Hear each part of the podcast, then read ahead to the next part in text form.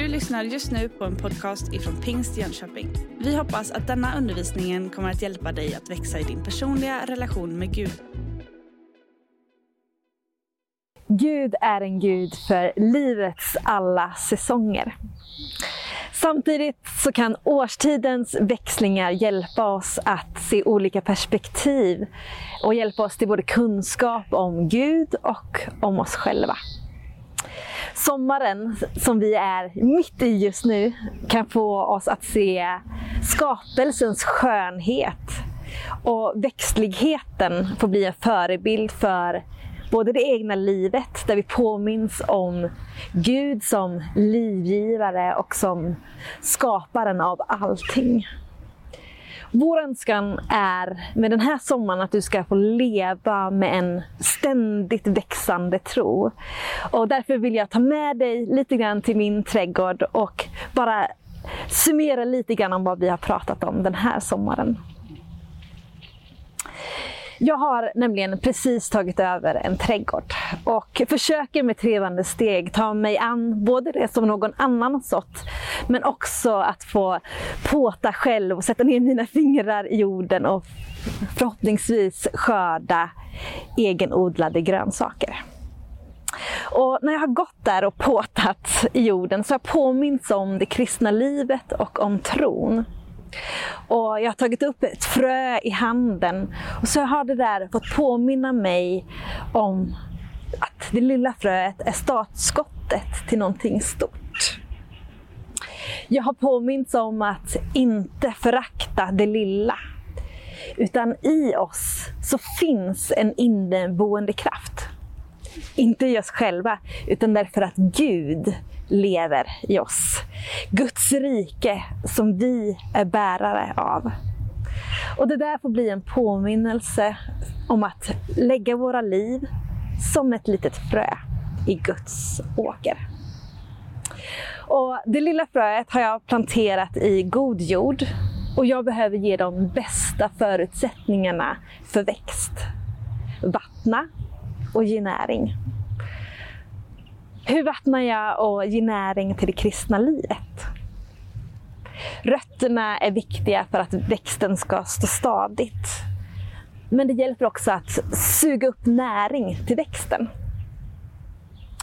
Kolosserbrevet 2.6 säger, liksom ni tog emot Kristus Jesus som Herren, så lev i honom, rotade och uppbyggda i honom och grundade i tron i enlighet med den undervisning ni fått.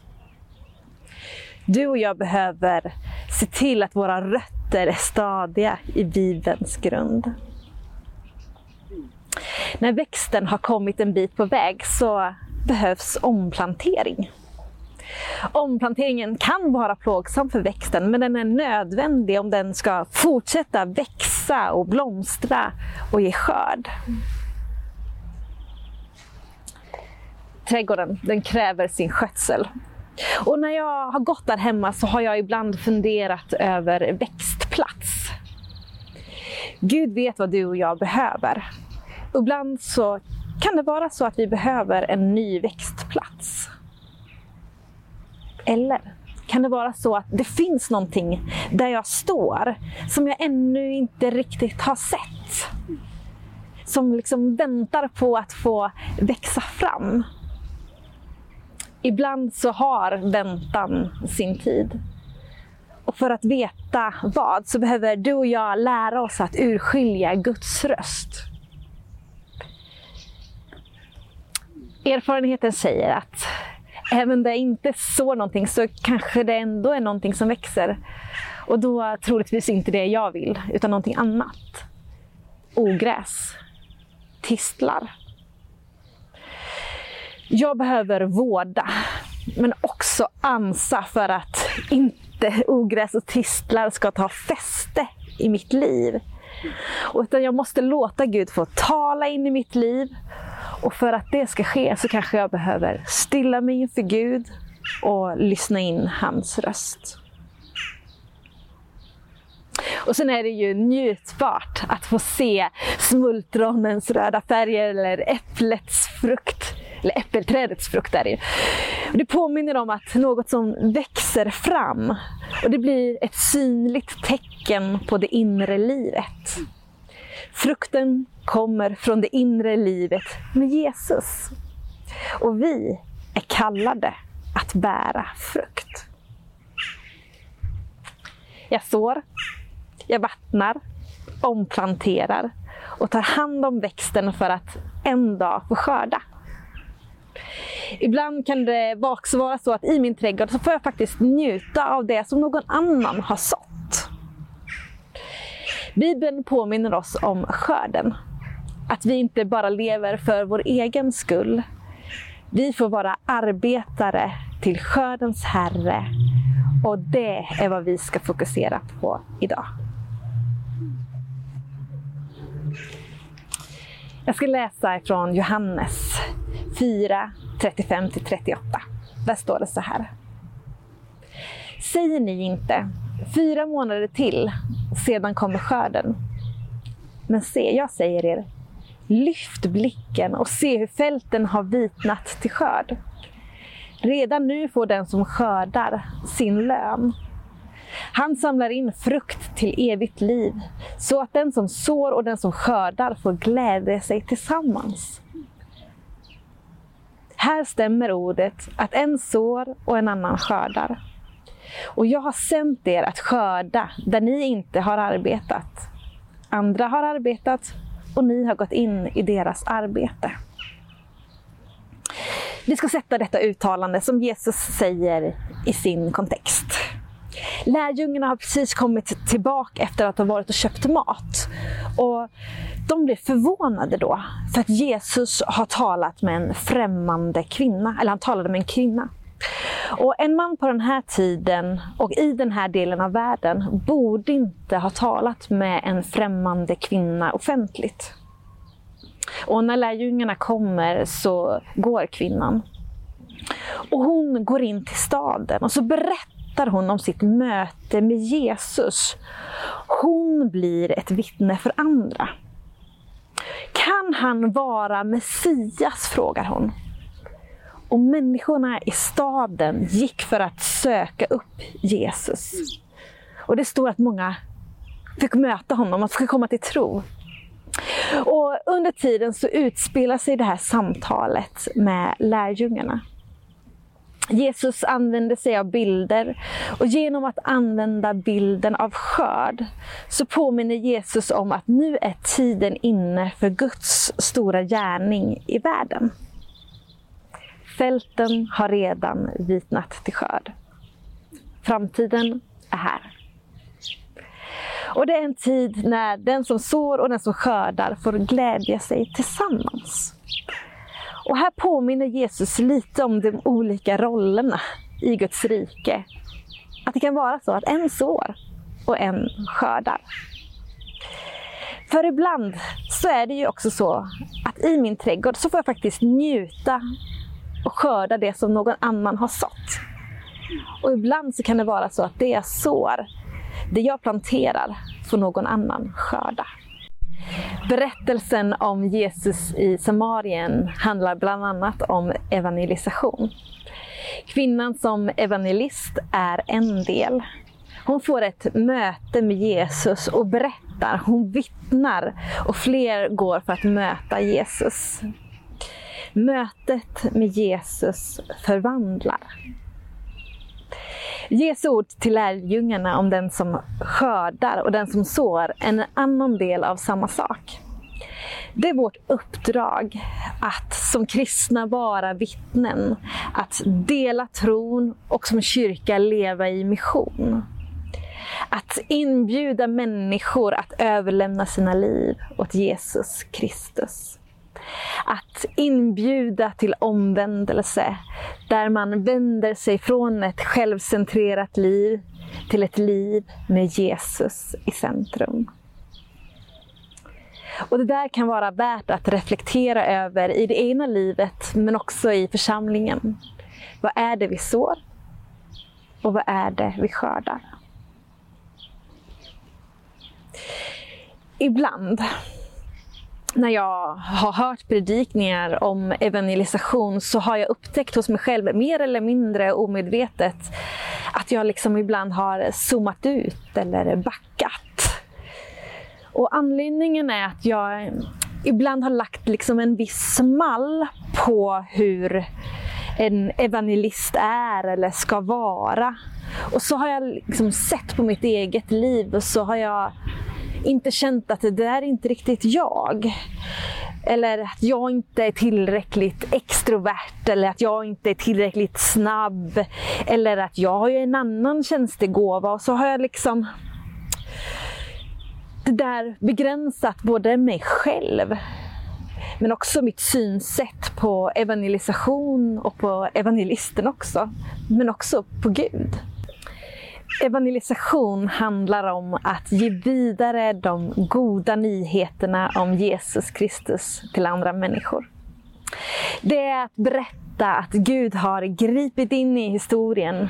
Att människan inte är ensam utan att det finns en Gud som skapat världen och som vill rädda den ur den djupa kris som den hamnat i.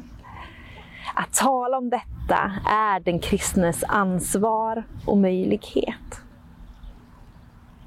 Sen är det ju så att en del har den gåvan över sitt liv. Och vi skulle kunna använda den här tiden för att presentera olika metoder och strategier som kan vara otroligt bra. Men forskning visar faktiskt att Många människor börjar bli intresserade av budskapet om Jesus Kristus när de ser en positiv bild av hur en kristen lever. Därför vill jag idag uppmuntra till att leva ett liv där vi, utifrån vilka vi är, leva ett liv där vi delar tron med andra. Finns det något bättre än att möta ett förvandlat liv? Jag kan också se några utmaningar. Kanske känner du igen dig i någon av dessa. Jag minns det så väl för x antal år sedan då jag tillhörde den här fantastiska kategorin unga vuxna. Eh, det var ett begrepp som kanske inte fanns då, eller i alla fall inte i den kontext som jag befann mig i. Men jag och min man vi hade en längtan av att få leda människor till Jesus. Eh, och vi förstod att relationer är viktigt för att det ska ske. Och så började vi titta liksom på vårt sociala liv och så insåg vi att vi hade liksom inga naturliga relationer med folk som inte delade vår tro. Och det där liksom blev en utmaning för oss, men också liksom en, en uppmuntran att bygga relationer, bygga nya relationer. Och det där blev också någonting som vi så småningom faktiskt behövde justera alla har vi liksom en, en mark eller ett område i våra liv som Gud har gett oss. Det kanske är en familj, vänskapsrelationer, jobb, ett fotbollslag, skola. Ja, vad som finns i ditt liv, det kanske inte jag vet. Men troligtvis så har du saker i ditt liv som jag inte har. Och jag har troligtvis områden i mitt liv som du inte har. Men där du är, där får du möjligheten och uppdraget och förtroendet att få något att, att så något, få någonting att växa, något att blomstra och förhoppningsvis också skörda.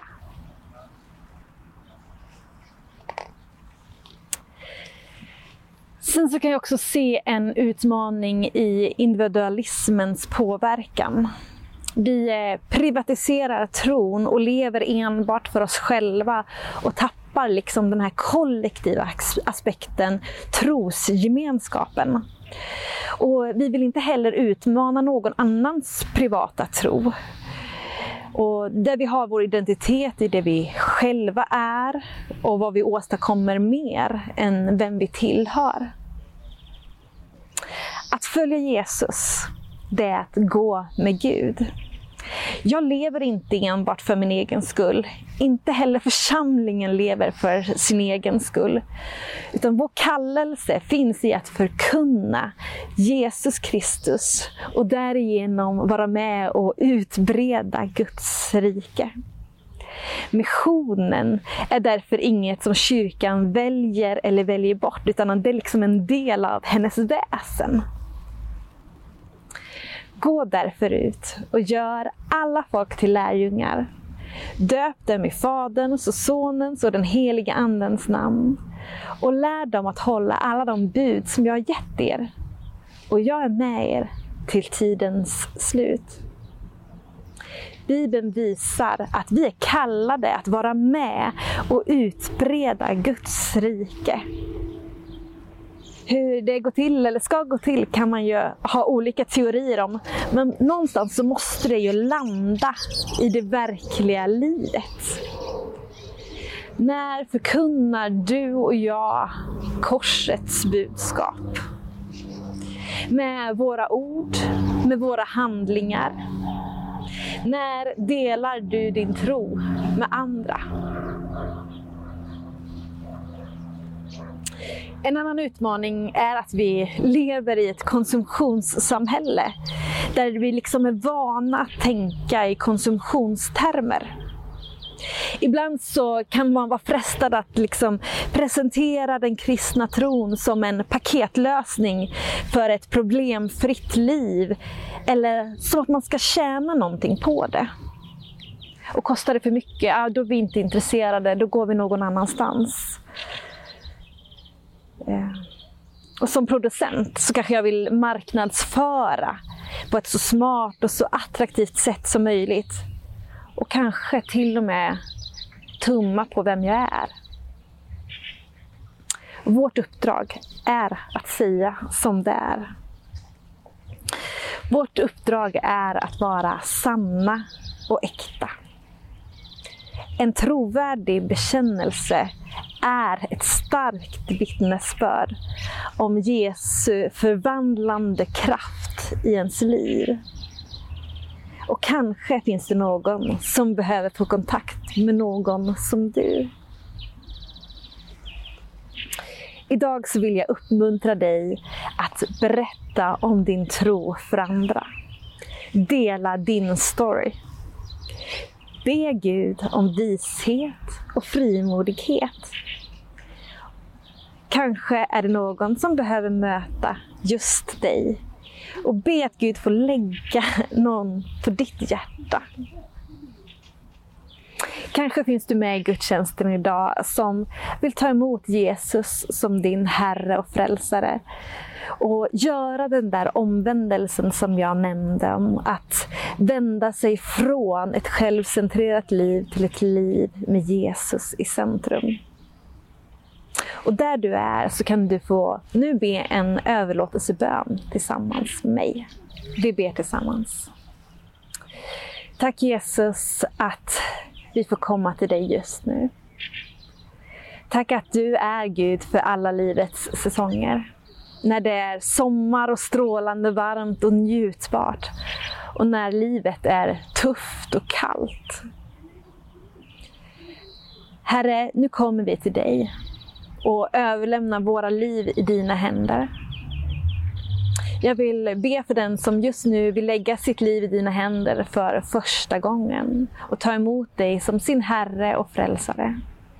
Tack att du är med den personen just nu. Så vill jag också be för den person som känner att det är utmanande att dela sin tro. Jag vill be om frimodighetens ande över den människans liv. Jag ber om vishet till oss som församling, att du ska leda oss i hur vi är med och berättar om budskapet om dig. Tack att du är med oss alla. I Jesu Kristi namn. Amen.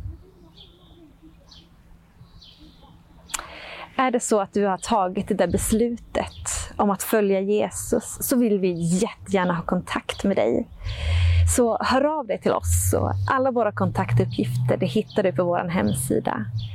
Gör gärna det. Gud välsigne dig. Du har just lyssnat på en podcast ifrån Pingst Jönköping. För att få reda på mer om vilka vi är och vad som händer i vår kyrka så kan du gå in på pingstjonkoping.se eller följa oss på sociala medier via pingstjkpg.